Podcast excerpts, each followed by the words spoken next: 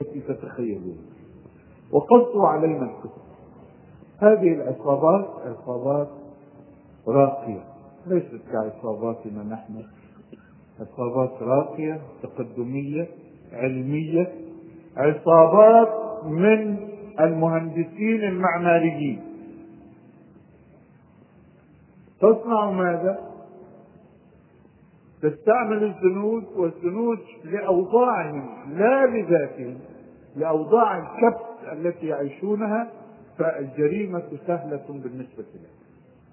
فيوجهون مجموعة من الجنود الذين احترقوا الإجرام. يوجهونهم على حي من أحياء المدينة. حي قديم. فيرتكبون كل أنواع الجرائم. القتل والسرقة والغصب والنهب كل الجرائم. فيفر الناس من ذلك الحي الذي اضطرب الأمن فيه وعجزت وسائل الأمن عن أن تضبط السلامة فيه. فتكون العصابة عصابة المهندسين قد أعدت حيا جديدا من الفيلات الجميلة. فينتقل الناس من هذا الحي القديم إلى حي الفيلات وتهجر الأرض. فيرخص ثمنها فتشتريها العصابة وتهدم البيوت القديمة وتقيم عليها فيلات وتسلط المجرمين على حي جديد في المدينة ليعيش في الأرض فسادا لتعمير الحي الجديد. هل تفكر هل هل يخطر على بالكم مثل هذا مثل هذه التكنولوجيا الإجرامية؟ يقوم يقوم بها مهندسون؟ نعم. المجتمع الذي ينادي رئيس الجمهورية في نداء معلن في التلفزيون نصيحة لأهل بلده لا تخرج من بيتك بعد الغروب إلا إذا كنت مسلحا ولا تحمل في جيبك ما يزيد على 30 دولار. لأن العصابات واقفة تخطف الناس خطفا. هذا هو التقدم. هذه هي الحضارة. أهل هذه الجاهلية قد ضاقوا بها ذرعا. ويلزعهم الضياع والحياة. ولكنهم لا يجدون الطريق. إنهم يبحثون. يبحثون عن طريق الخلاص. وبعضهم يدخل في البوذية. يظنها هي طريق الخلاص. وبعضهم ورأيتهم بعيني يدعون إلى عبادة كريشنا. في سنتين متواليتين وجدت موكب كريشنا في لندن وفي العام الذي يليه وجدته في نيويورك. قوم عجب. رجالهم يحلقون رؤوسهم زي ما بنقول في مصر زلطة يعني تماما. إلا خصلة واحدة من المقدمة إلى المؤخرة. ويسيرون ومعهم الدف ويقولون كريشنا كريشنا. ويتبعهم أوروبيون وأمريكان. يظنون أنهم يملكون طريق الخلاص. وإن طريق الخلاص هو الإسلام. هو الذي أنزله الله لينقذ البشرية من جاهليتها حيثما كانت جاهلية ولو أن أوروبا وأمريكا رأت نموذجا إسلاميا حقيقيا لدخل ملايين من أوروبا وأمريكا في دين الله. إن أفرادا اليوم يدخلون في الإسلام. مع وجود الحاجز الصليبي الذي بنته الكنيسة الأوروبية خلال قرون. قوم يقفزون فوق الحاجز الصليبي ويدخلون في الإسلام. فرارا من الضياع من الحيرة التي يعيشونها في ظل الجاهلية. كيف لو وجد نموذج حقيقي للإسلام؟ كم ألفا بل كم مليونا من البشر يدخل في دين الله. ننظر إلى الصحوة لا على أنها ستعالج أمور الحياة الإسلامية وحدها لكن على أنها ستعطي البشرية النموذج الذي تفتقده في حيرتها وضلالها فتهفو البشرية كلها إليه وتجيء دولة جديدة ممكنة لهذا الدين يدخل فيها بلادا لم يكن قد دخلها من قبل. وإن من أحاديث الرسول صلى الله عليه وسلم التي كان الصحابة يتحدثون بها ويتساءلون فيما بينهم هل بشرنا الرسول صلى الله عليه وسلم بروما اولا أم بالقسطنطينية اولا؟ فيقول العالمون بل بشرنا بالقسطنطينية اولا. ومعنى ذلك أن هناك تبشيرا من الرسول صلى الله عليه وسلم بروما أيضا. ومن مبشرات رسول الله صلى الله عليه وسلم لا تقوم الساعة حتى تقاتلوا اليهود فتقتلوهم حتى يقول الحجر والشجر يا مسلم يا عبد الله ورائي يهودي فتعال فاقتله. أو كما قال عليه الصلاة والسلام. وفي رواية أحد الرواة آه، الحاكم أو الطبراني يعني لا أذكر الآن تحديد عجيب لميدان المعركة. أنتم شرقي الأردن وهم غربي. وهذا الذي نراه اليوم جئنا بكم لفيفا فإذا جاء وعد الآخرة جئنا بكم لفيفا يتجمع اليهود من كل شتات الأرض غربي النهر. وتصحو الأمة الإسلامية في كل فجاج الأرض لتقوم المعركة. معركة يخوضها المسلمون ضد اليهود لا من أجل التراب الفلسطيني ولا من أجل الوطن ولا من أجل القومية. إنما معركة تحت راية لا إله إلا الله. وإن هذه لهي المعركة التي ينصرها الله. حين تكون المعركة تحت راية لا إله إلا الله. ولقد بشر بها رسول الله صلى الله عليه وسلم. ونحن نرى مقدماتها في عصرنا هذا حيث يجمع اليهود من كل الأرض. للمعركة. وتوقظ الأمة من كل الأرض للمعركة. وينتصر المسلمون. فماذا يحدث حين تنتصر الأمة الإسلامية؟ ليست القضية قضية فلسطين وحدها. ليست هذه معركة محلية بين المسلمين وعدو لهم في أرض فلسطين. إنما هي أضخم من ذلك بكثير. إن الأمة الضالة المضلة أمة اليهود هي التي تسيطر اليوم على كل الأرض إلا ما رحم الله. كل البشر واقعون في مخطط اليهود إلا من رحم ربك إلا من قال لا إله إلا الله واعيا بها مخلصا بها مطبقا لها في عالم الواقع هؤلاء وحدهم في الأرض كلها هم الناجون من مخططات اليهود. أما بقية البشرية فلا تعجبوا إن قلت لكم إنهم واقعون في دوامة اليهود بوعي منهم أو بغير وعي. إن سلطان اليهود ليس مقصورا على أمريكا وسلطانهم في أمريكا معروف مشهور. هم الذين يعينون رئيس الجمهورية. وهم الذين يسقطونه إذا لم يستقم على الطريق وهم الذين يقتلونه إذا عاند كما قتلوا كينيدي من قبل. وهم الذين يسيطرون على المعسكر الشرقي.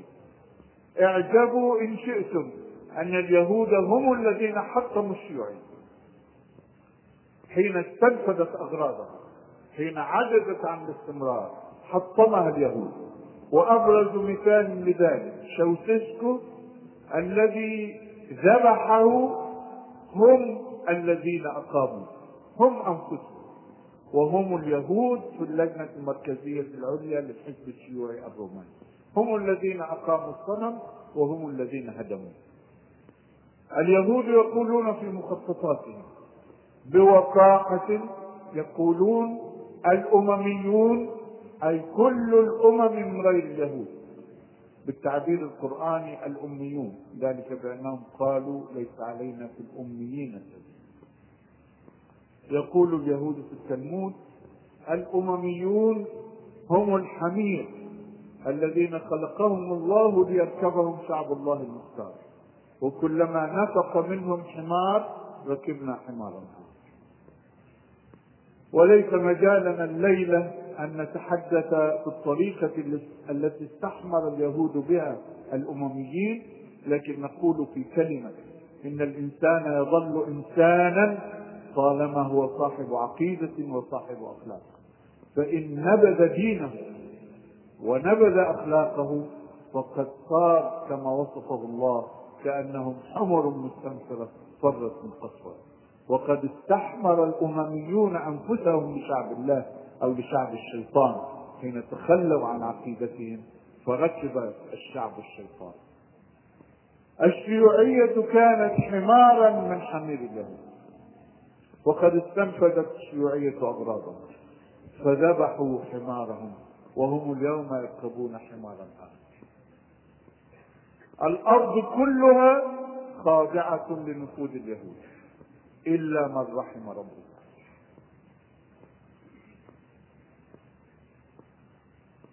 هل هذا مخالف لسنن الله ومخالف لوعد الله ووعيده؟ حاشا أن يقع في الكون كله شيء واحد مخالفا لسنن الله ومخالفا لوعد الله ووعيده. كيف اذا والله هو القائل؟ وإذ تأذن ربك ليبعثن عليهم إلى يوم القيامة من يسومهم سوء العذاب. كيف اذا والله هو القائل؟ وضربت عليهم الذلة أينما تقف نعم نعود إلى كتاب الله. فنجد فيه استثناء في في آية آل عمران. ضربت عليهم الذلة أينما ثقفوا إلا بحبل من الله وحبل من الناس وهم اليوم في هذا الاستثناء بإلا بحبل من الله بمشيئة وقدر من الله. وحبل من الناس. ما الحبل من الناس الذي يمد اليهود؟ ليست أمريكا وروسيا وحدهما هما الحبل من الناس الذي يمد اليهود. السينما مؤسسة يهودية مالا وفكرا لإفساد الشباب. وكل فتى أو فتاة في الأرض أصابه جنون السينما فهو حبل من الناس. يمد اليهود بالمال ويمده بالفساد في ذات نفسه الفيديو والتلفزيون جنون الفيديو جنون التلفزيون. اليهود هم الذين بثوه في الأرض. وكل فتى أو فتاة في الأرض أصابه جنون التلفزيون أو جنون الفيديو هو حبل من الناس. يمد اليهود. يمده بالمال ويمده بالفساد في ذات نفسه بيوت الأزياء الكبرى يهودية. كريستيان ديور وغيره. كل فتاة أصابها جنون الموضة فهي حبل من الناس يمد اليهود بيوت الزينة صناع أدوات الزينة العطور والأبيض والأحمر والأصفر والأخضر كله البيوت الكبرى هم اليهود. وكل فتاة أصابها جنون الزينة هي حبل من الناس يمد اليهود وهكذا سيطر اليهود في الأرض. سيطروا لما؟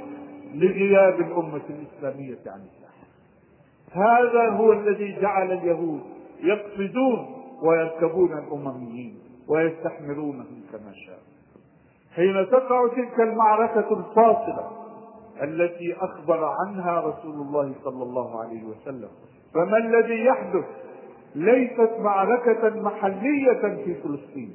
إنما هي معركة ضخمة بين منهجين بين دينين بين قيادتين وتنهزم قيادة الأمة الضالة المضلة وتنتصر القيادة المؤمنة وتعود الأمة الإسلامية إلى دورها الذي أخرجها الله من أهله من أجله وكذلك جعلناكم أمة وسطا لتكونوا شهداء على الناس. ويكون الرسول عليكم شهيدا. من أجل هذه المبشرات كلها نؤمن أن المستقبل للإسلام ليست أحلاما ليست أماني وهذه مبشرات الرسول صلى الله عليه وسلم وما ينطق عن الهوى إن هو إلا وحي يوحى. أمامنا جولة منتصرة لهذا الدين يمكن فيها في الأرض مرة أخرى. وللأمة الإسلامية جولة أخرى تقود البشرية فيها إلى الهدى ويتحطم الصنم الذي تعبده البشرية اليوم وهي تعبد الشيطان إلا ما رحم ربك لأنه لا توجد إلا عبادتان اثنتان. يقول تعالى ألم أعهد إليكم يا بني آدم ألا تعبدوا الشيطان إنه لكم عدو مبين؟ وأن اعبدوني. هذا صراط مستقيم. إنهما عبادتان اثنتان. فمن لم يعبد الله فقد عبد الشيطان. والبشرية اليوم إلا من رحم ربك تعبد الشيطان. وحين تنتصر الأمة الإسلامية. بعد أن تكون قد استحقت في ميزان الله أن يتنزل عليها النصر بالعودة إلى الدين.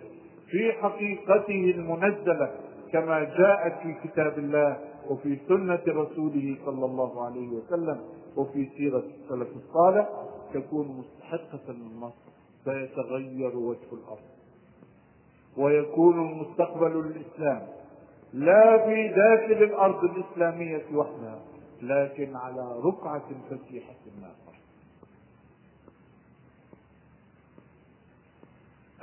أحدثكم عن مبشرات أخرى؟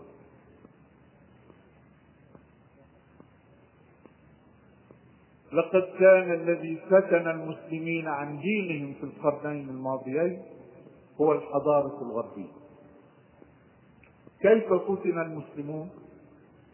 قالوا لأنفسهم هذه أوروبا كافرة ملحدة ولكنها قوية وممكنة في الأرض ومتعلمة وهي أيضا ذات أخلاق. ونحن المسلمين ضعاف متخلفون وليست عندنا أخلاق. فما قيمة الدين إذا؟ فلننبذ ديننا لنتحضر ونتقوى لأن أوروبا لم تتحضر ولم تتقوى إلا حين نبذ الدين. كانت هذه هي الفتنة التي فتنت المسلمين وبصفة خاصة الذين تثقفوا ثقافة غربية ما الواقع اليوم؟ الواقع اليوم أن أوروبا بدأت تنحدر.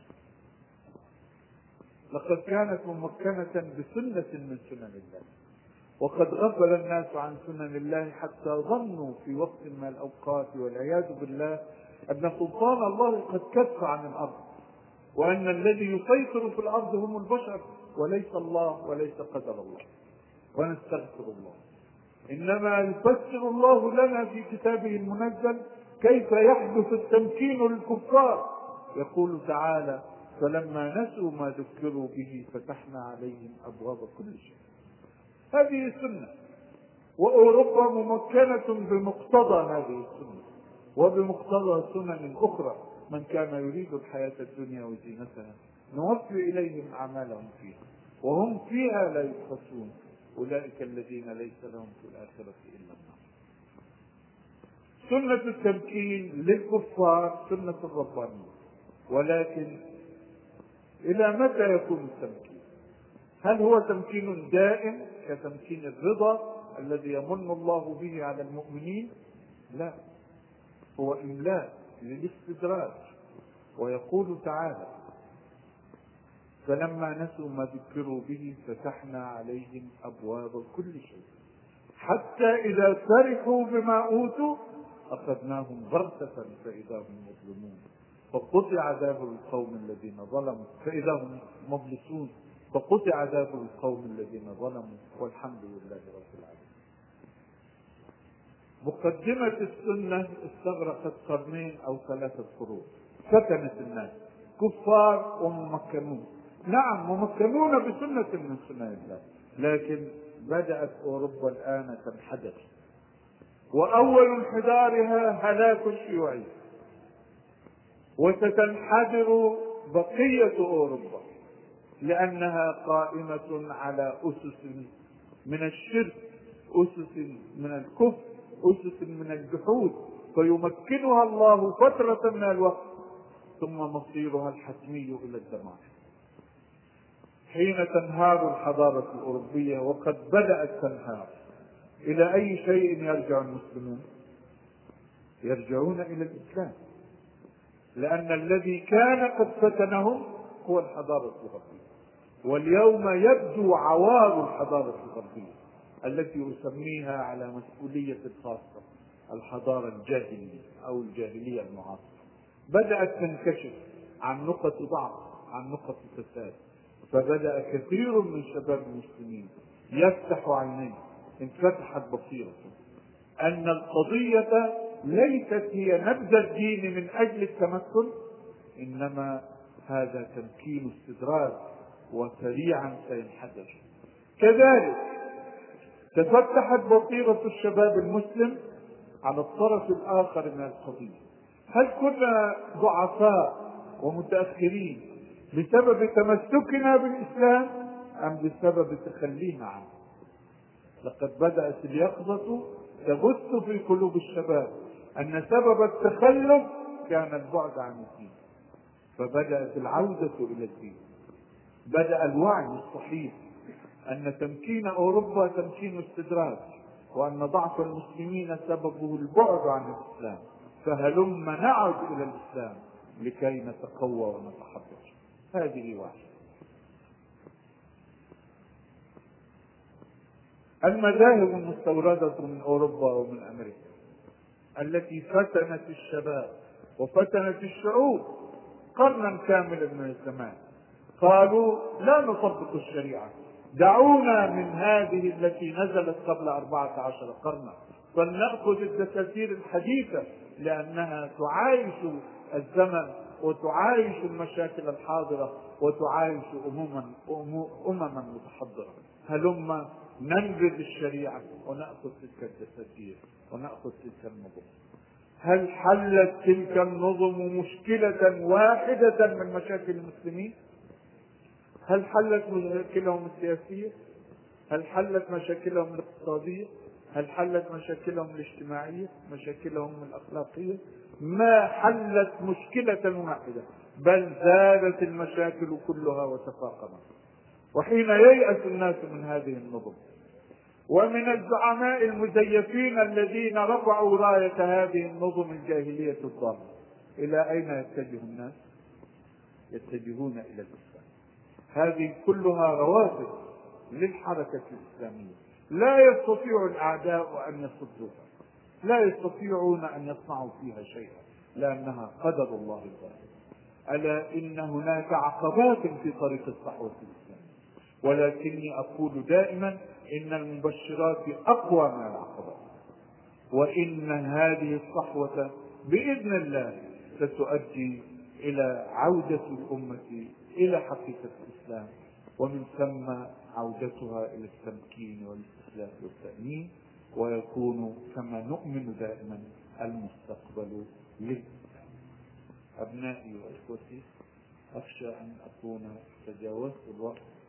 وأخشى أن أكون قد أطلت عليكم فعذري إليكم أن الموضوع واسع متشعب وأنه لابد أن نلم بأطرافه لكي نعلم حقيقة هذه الصحوة وما نعلقه عليها من آيات وآخر دعوانا أن الحمد لله رب العالمين والصلاة والسلام على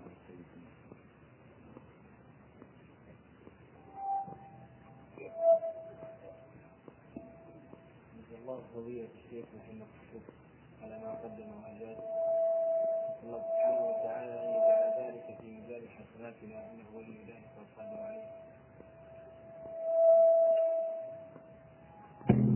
أحبتي بالله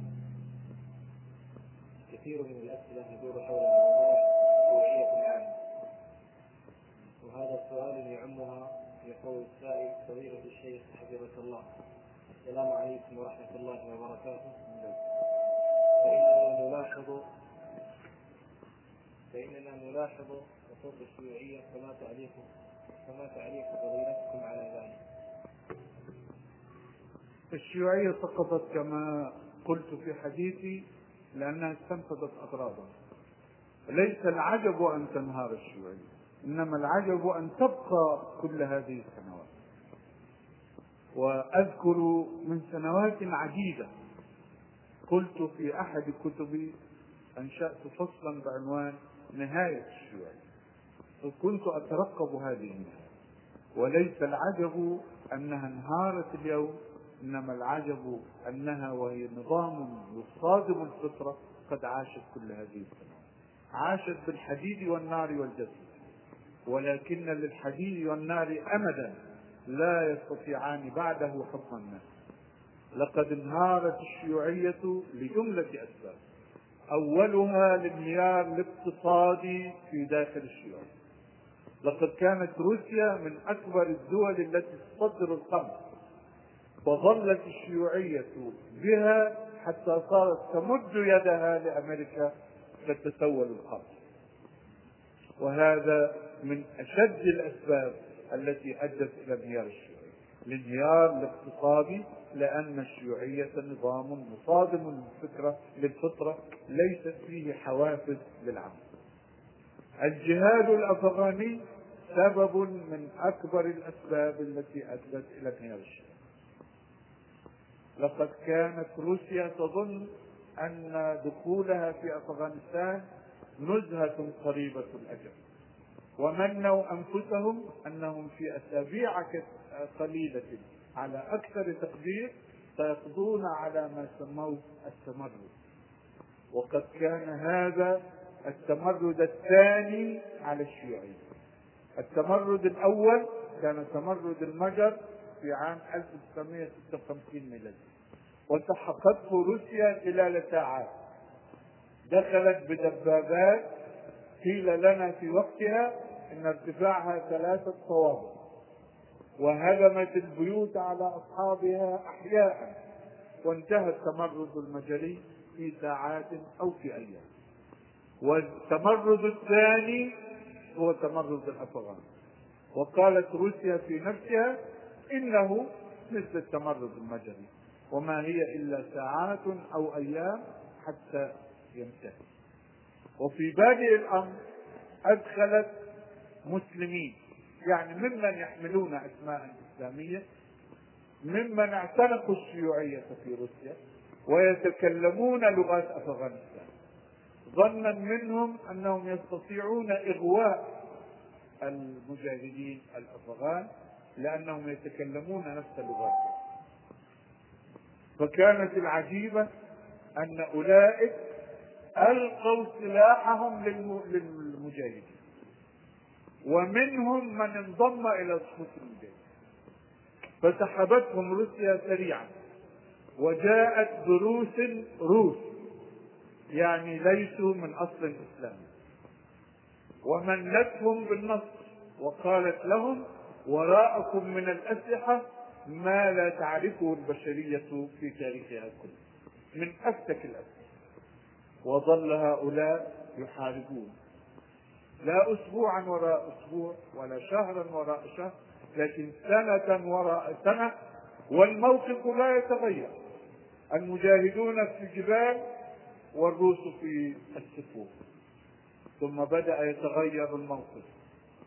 يتغير لحساب المجاهدين. فيخرج المجاهدون من كهوفهم ومغاراتهم ويبدأون الهجوم ويتراجع الروس عندئذ بدأت الهزيمة تدب في الجيش الروسي.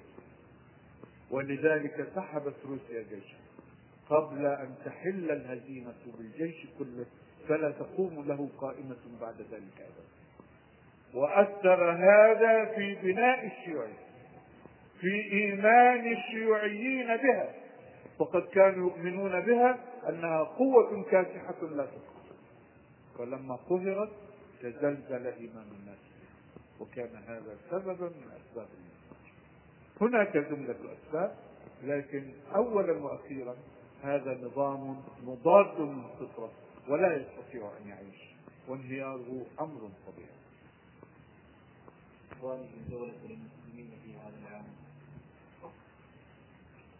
أولا يعرف دينه فالعلم هو المرحلة الأولى. إن لم يعلم حقيقة هذا الدين فكيف يمارسه؟ العلم ضروري. المعرفة بحقيقة هذا الدين فيما نزل ولأي هدف أخرجت هذه الأمة. وما مقتضيات لا إله إلا الله؟ هل هي مجرد الكلمة التي تنطق باللسان أم لها مقتضيات؟ هذه هي الدرجة الأولى أو المرحلة الأولى. المرحلة الثانية هي تربية جيل من الشباب على مقتضيات لا إله إلا الله. فإن المعرفة النظرية وحدها لا تكفي وكم من علم سكن في عقل صاحبه ولم يتحرك. إنما العقيدة هي التي تتحرك. تتحرك من داخل القلب. وهذا يتم بالتربية. نربي جيلا على متطلبات لا إله إلا الله. يخلص العبادة لله ويقوم بالتكاليف ومن هذا الجيل تنطلق القاعدة تتسع حتى تشمل أكبر عدد من الأمة وعندئذ يحدث التغيير الذي قال الله فيه إن الله لا يغير ما بقوم حتى يغيروا ما بهم